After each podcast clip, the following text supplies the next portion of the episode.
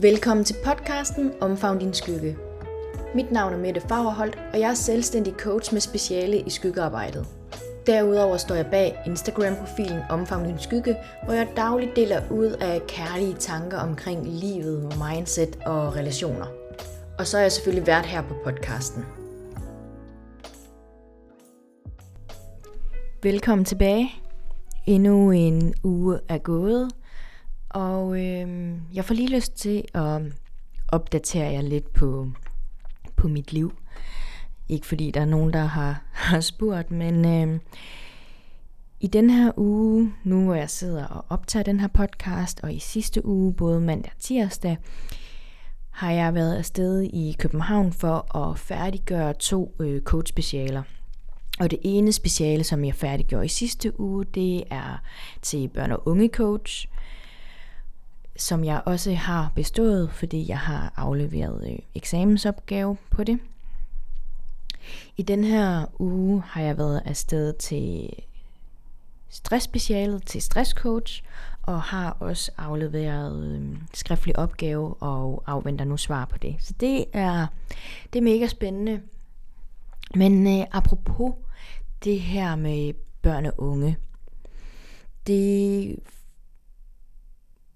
giver mig lidt lyst til at tale ind i nogle ting i, i dag, både i forhold til det emne, jeg kommer til at dykke ned i, i forhold til skygger, men også bare det her med, at nu er jeg børn- og unge coach, og hvad betyder det, og hvad skal jeg bruge det til?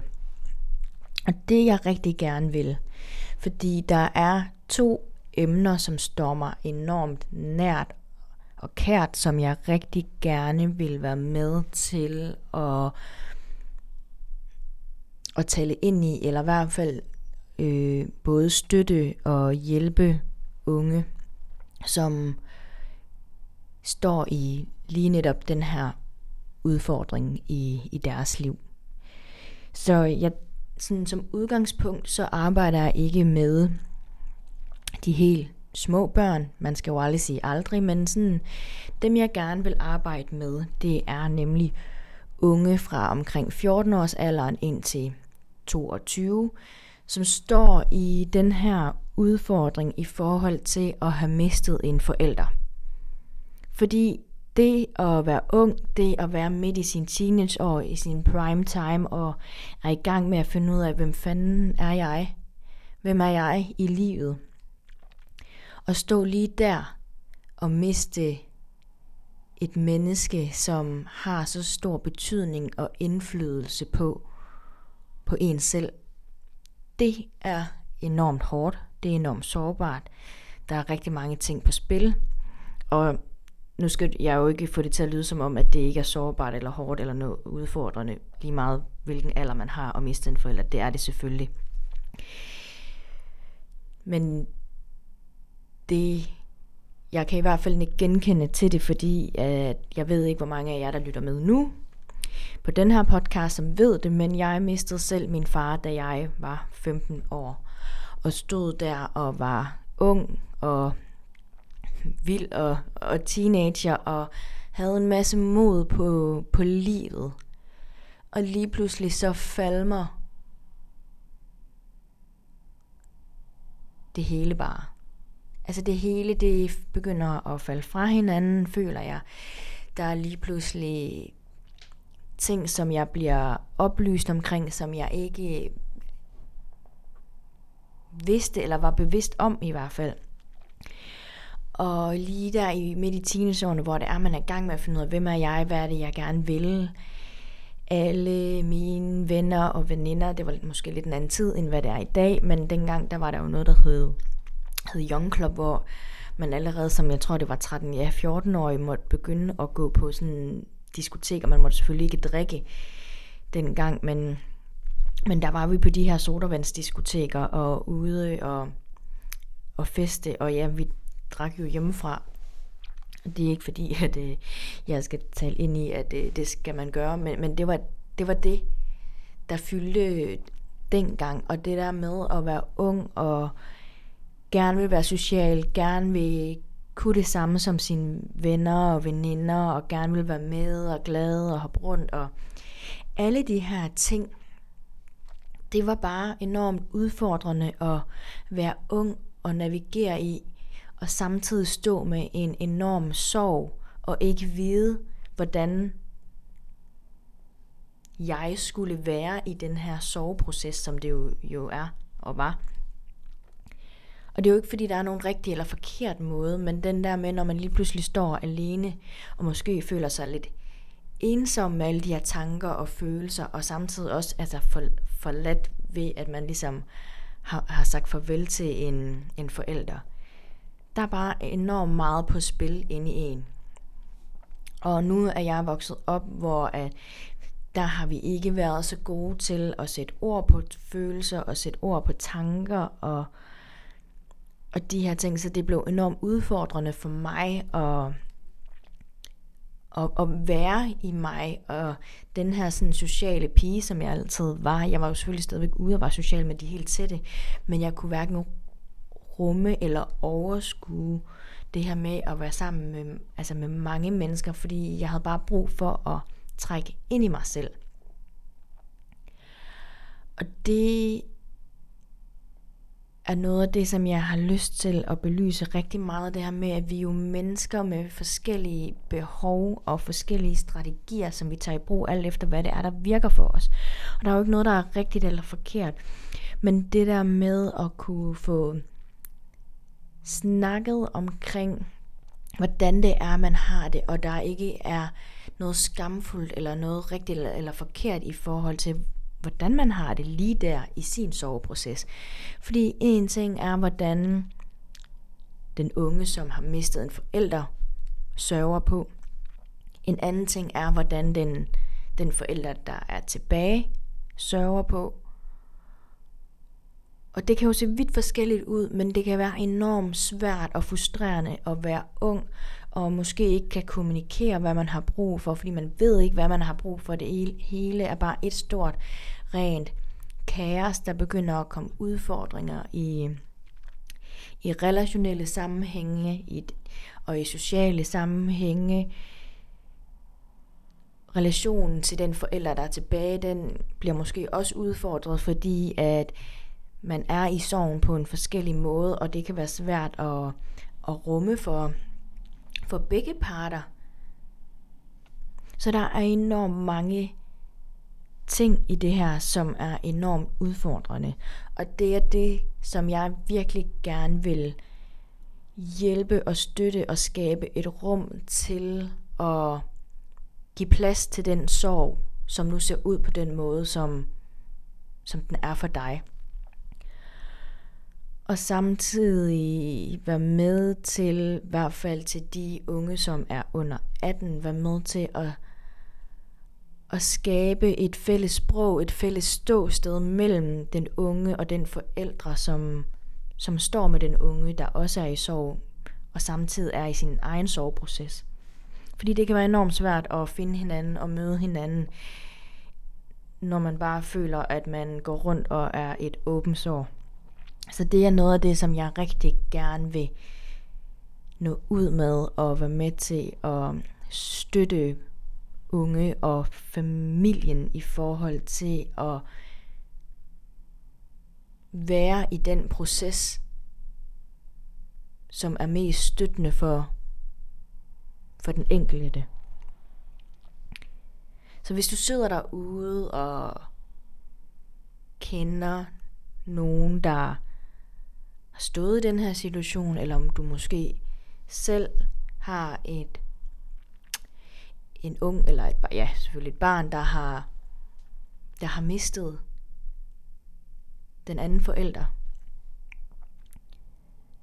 Så ræk endelig ud til mig, fordi måske er jeg den rette til at støtte og vejlede dit barn.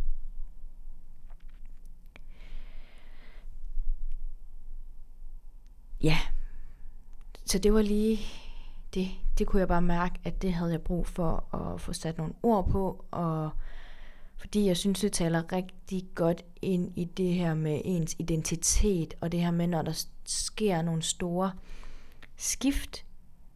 Hvem er du så? Hvem er jeg så? Hvem er vi så som individer? Og hvordan navigerer vi lige i det? Fordi det vi skal tale om i dag, det er nemlig det her med masker og personer. Fordi det vi snakkede om sidste gang, det er omkring det her med, det du ikke vil være, vil ikke lade dig være. Og der synes jeg bare, at masker og personer går virkelig godt i spænd med det. Fordi når det er, der er noget, du ikke vil være, når der er noget, som du ikke vil vedkende dig, at du er, når der er noget, du skjuler for omverdenen, når der er noget, som du ikke vil opdages i at være, så tager du nemlig en maske på, eller en persona. Maske og persona er stort set det, det, det samme. Persona er sådan lidt mere det, det psykologiske fagudtryk. Maske er sådan lidt mere det, hvor man sådan kan tage det ned på et, et, et niveau, hvor alle forstår, hvad det er, jeg taler ind i. Øhm, så nu bruger jeg masker. Fordi hvad er det for en maske, du bærer, når du ikke vil have, at andre må opdage dig i at være det, du ikke vil være?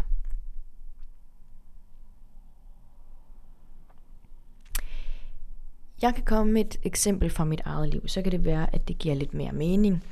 Eksempelvis, da jeg var ung, og nu kan jeg tale ind i det her med, da jeg mistede min far som 15-årig. Det var ikke, fordi jeg ikke på den måde sådan bevidst valgte, at jeg vil ikke være ked af det. Jeg på daværende tidspunkt havde nok bare ikke været så god til at udtrykke den sårbare side af mig, den side af mig, som også kan være ked af det. Så den maske, jeg tog på, det var jo den her med, at jeg kan godt klare mig selv. En maske, der var nærmest sådan lidt sådan stone face, en maske, der havde sådan lidt en, en hård facade, og det har jo mange forskellige masker, jeg bærer omkring mig for at kunne være og for at kunne komme igennem det her. Så på den måde var det jo en, en god maske lige der, fordi det var den strategi, jeg kunne ty til. Det var den overlevelsesstrategi, som, som virkede for mig dengang. Lige der.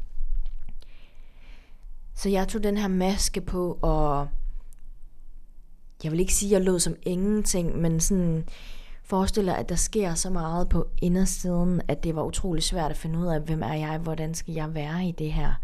Så den eneste måde, at jeg kunne have den mest almindelige hverdag som overhovedet muligt, så var jeg jo i skoledagen efter. Og det er ikke noget, jeg anbefaler overhovedet. Men det var det, jeg havde brug for på daværende tidspunkt. Det var det, der gav mening for mig. Det var dog begrænset for, hvor meget øh, aktiv jeg var i undervisningen, men det der med at komme op og, stå, og stadigvæk have noget at stå op til, og stadigvæk føle, der er en, en hverdag. Men det betød jo også på en eller anden måde, at jeg også i det tog en maske på, hvor det lignede, at alt var godt, eller sådan, Selvom det, folk vidste selvfølgelig godt, det ikke var godt på indersiden. Men den der facade, som jeg ligesom fik bygget op, jeg øh, fik sågar også øh, nogle øh, kommentarer omkring det her, i forhold til, at jeg øh, måske var lidt for glad, om jeg ikke øh, sådan skulle være lidt mere ked af det. Og det er jo det, der er enormt interessant, ikke? At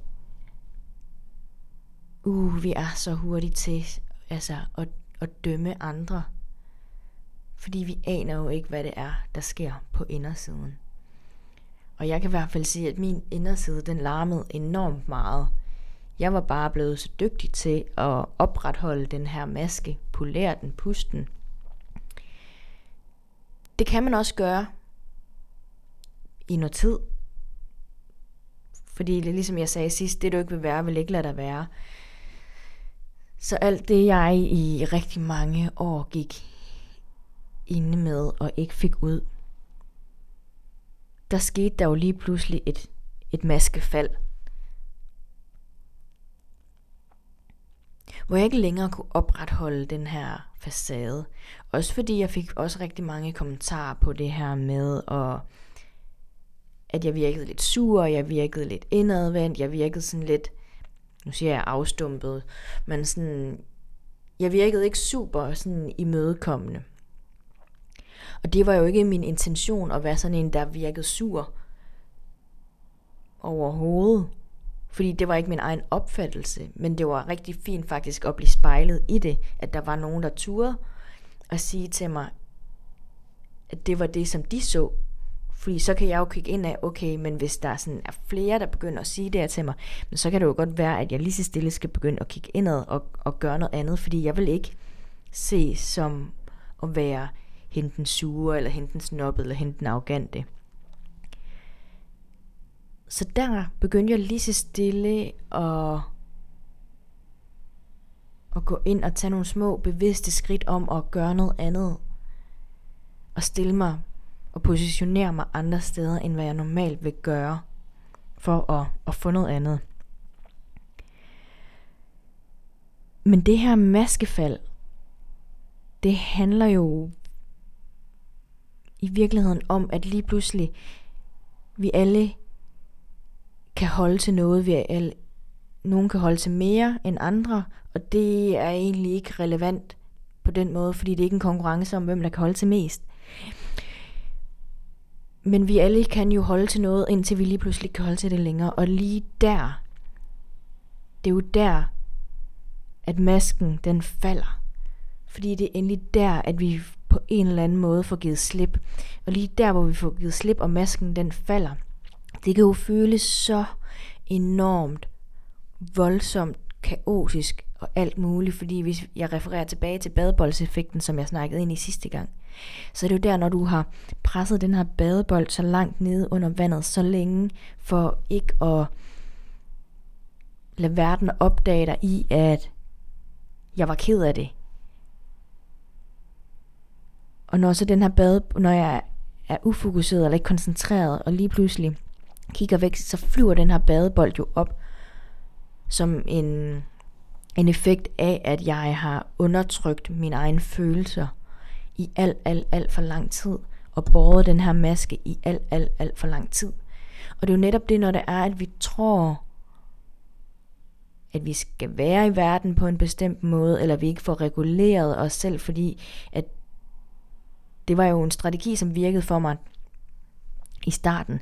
Men efter 10 år, så kan det jo godt være, at øh, den maske og den strategi, den ikke længere støtter mig. Så så bliver vi jo nødt til at gå ind og gøre noget andet. Vi bliver nødt til at gå ind og regulere på os selv og kigge på os selv.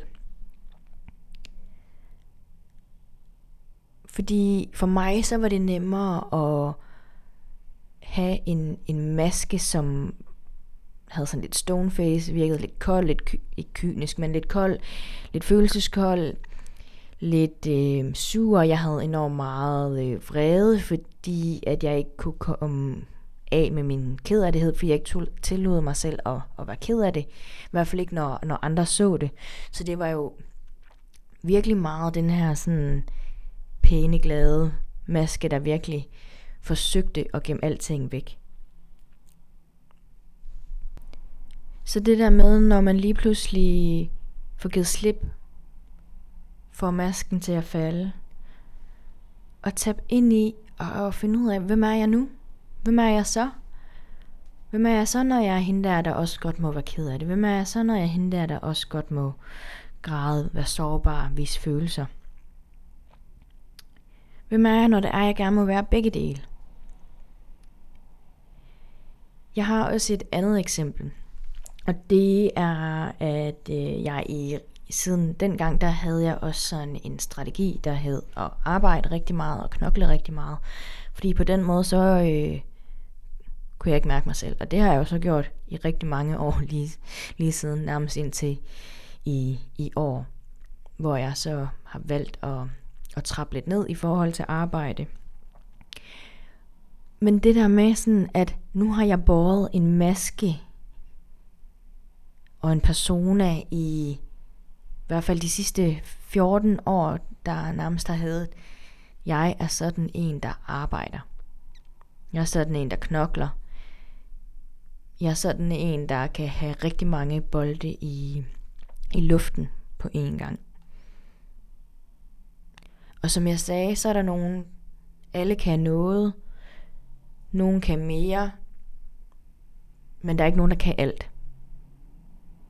Så jeg er jo heller ikke nogen superwoman, eller har nogen superkræfter. Og noget af det, som jeg virkelig lærte på stressspecialet, det var det her med at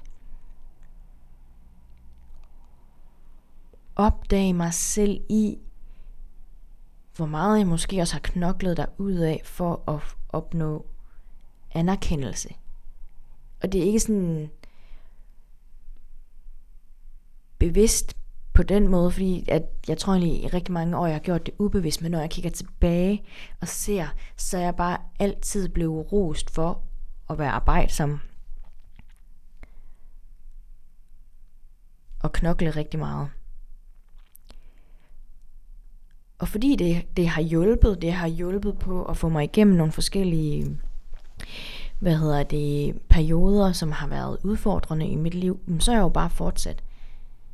Indtil jeg bare mærkede på modul 1 på stressspecialet, at jeg var ved at være der, hvor jeg faktisk var virkelig, virkelig udkørt. Derfor valgte jeg at sige et job op.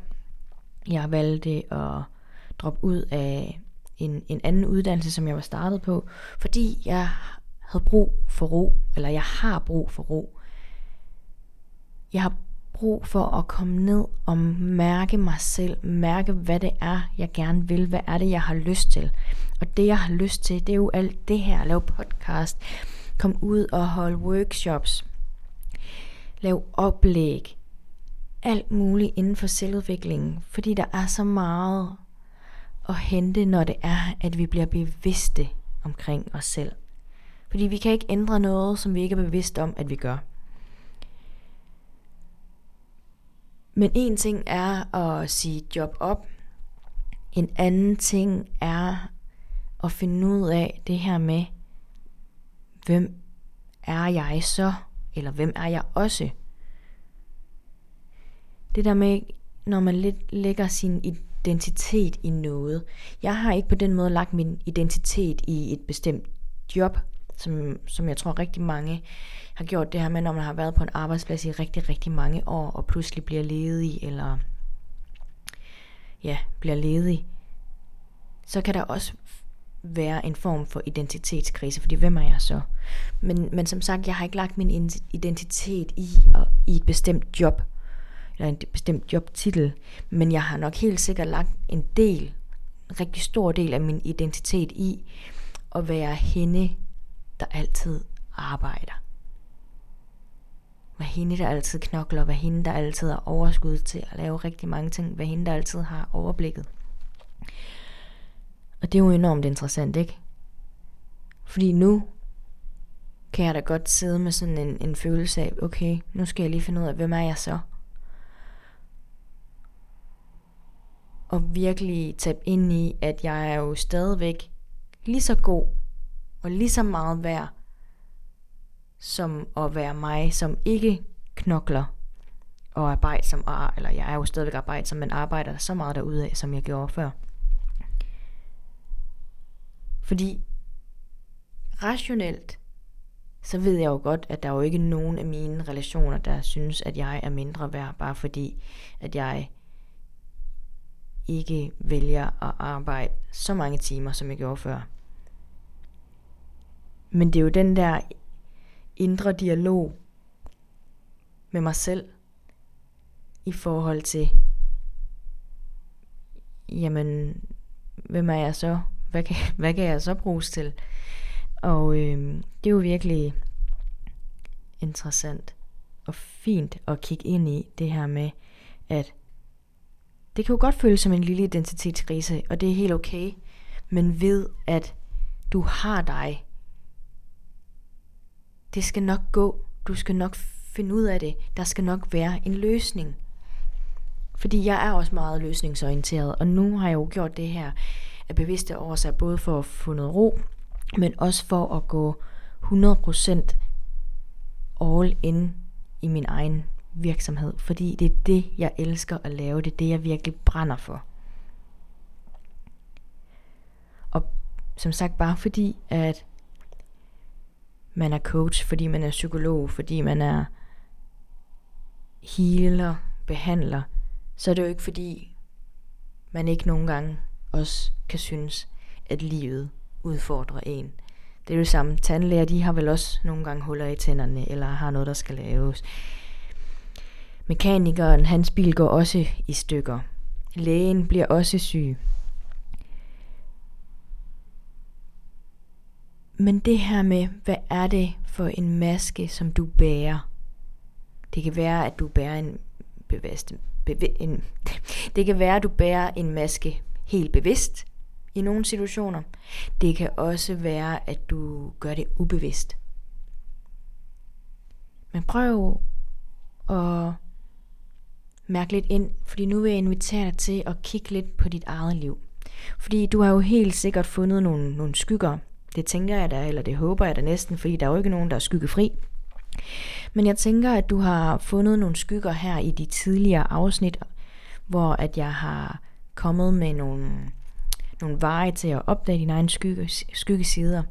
Så de her skygger, som du ikke vil være, og du ikke vil vedkende dig også en side af dig, eller de her skygger, som du bliver trigget på og bliver aktiveret af.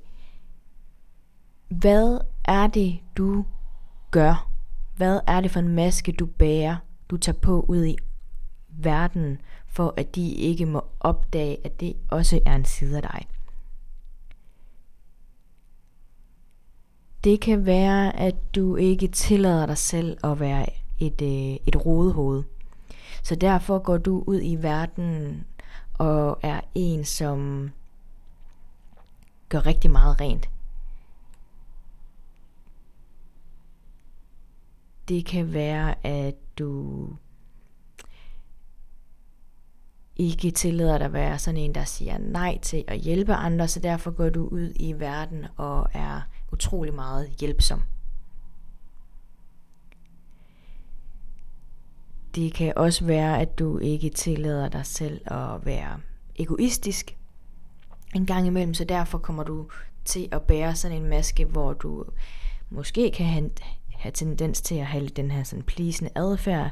Du er den, der lidt bare følger med, lidt gør, hvad de andre siger, gør, hvad de andre har lyst til. Det kan også være, at det ikke er den her plisende adfærd, men at det er den her maske, hvor du går rigtig meget på kompromis med dig selv, fordi du ikke får sagt nej. Fordi du ikke må være sådan en, der siger nej. Så derfor er du sådan en, der siger ja. Det kan også være, at du er vokset op i en familie, som har været enormt positiv, enormt glade, enormt spraglende, altså i, i, i måde at udtrykke sig på. Det her med, der og det er jo mega godt, og det er jo mega positivt, men det kan være, at du sidder tilbage med en følelse af, at der måske ikke har været plads til de andre følelser. Det kan være, at der måske ikke har været plads til vrede. Der måske være, at der ikke har været plads til at være ked af det på samme måde, eller du måske føler, at du i hvert fald ikke er blevet grebet i det. Så derfor går du ud i verden, og at måske, siger jeg, at den her overentusiastiske, overglade person, og bare vid, at der er jo ikke noget, der er rigtigt eller forkert overhovedet. Og det er jo ikke, fordi vi skal sidde og skamme nogen ud og sige, at der er nogen, der er mere forkerte end, end andre lige meget, hvad vi er. Men det der med at blive bevidste omkring vores mønstre, blive bevidst omkring, hvad det er, vi gør, blive bevidst omkring, hvad vi gør for at lægge låg på os selv. Og det handler ikke noget om at give nogen skylden for, at vi er, som vi er, men igen få skabt bevidstheden omkring os selv. Hvad er det for nogle strategier, vi tager i brug for, at verden ikke må opdage os? Fordi det er lige der, der ligger vi jo låg på os selv.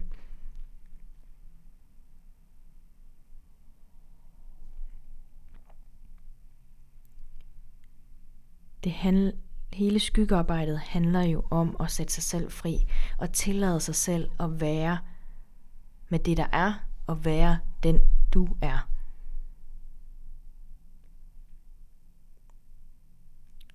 Og det der med at kunne sige, jamen sådan er jeg også, og virkelig eje det, at sige, jamen det er også en del af mig. Jeg kan både være et røvhul, og jeg kan både være super sød. Fordi begge ting kan ikke eksistere uden hinanden. Det er ligesom yin og yang. Feminin og maskulin energi. De kan jo heller ikke eksistere uden hinanden. Der bliver nødt til at være et ding og et dong og en form for balance ind i det. Og sådan er det med, med alt i verden. Så det blev lidt af et øh, langt afsnit. Jeg håber, at øh, det gav mening. Jeg håber, at jeg sagde noget, som du kunne bruge til noget. Jeg håber, at... Øh, ja, jeg håber, at det ikke var alt for forvirrende. Og så ønsker jeg dig en mega dejlig dag derude. Tusind tak, fordi at du har lyttet med så langt. Jeg håber, du kunne lide, hvad du hørte. Og hvis du har tid og lyst, må du endelig gerne give et like på podcasten, eller på afsnittet, eller eventuelt skrive en kommentar. Og hvis du sidder derude og synes det her med skygger og relationer er mega spændende, så kommer jeg altså i 2024 til at afholde min skygge- og relationsuddannelse, hvor du blandt andet også bagefter kan blive certificeret skygge- og relationsvejleder. Jeg har holdt både i Aarhus, online og København. Og du kan læse meget mere omkring hele uddannelsesforløbet på min hjemmeside www.omfavndinskygge.dk hvis du sidder inde med spørgsmål, som du ikke rigtig har fået svar på, så skal du endelig holde dig tilbage for at kontakte mig, enten via mail, telefon eller Instagram. Det kan også være, at du sidder derude og tænker, uh, uddannelsesforløb, ah, det ved jeg ikke lige, om det er der, jeg er, men rigtig gerne vil arbejde med dine egne skygger så kan du altså også booke individuelle sessioner eller et individuelt forløb med mig, hvor det er, at jeg støtter og guider dig igennem din egen proces med at arbejde med dine skygger. Og ellers så ønsker jeg dig bare en helt fantastisk dejlig dag derude. Hej hej.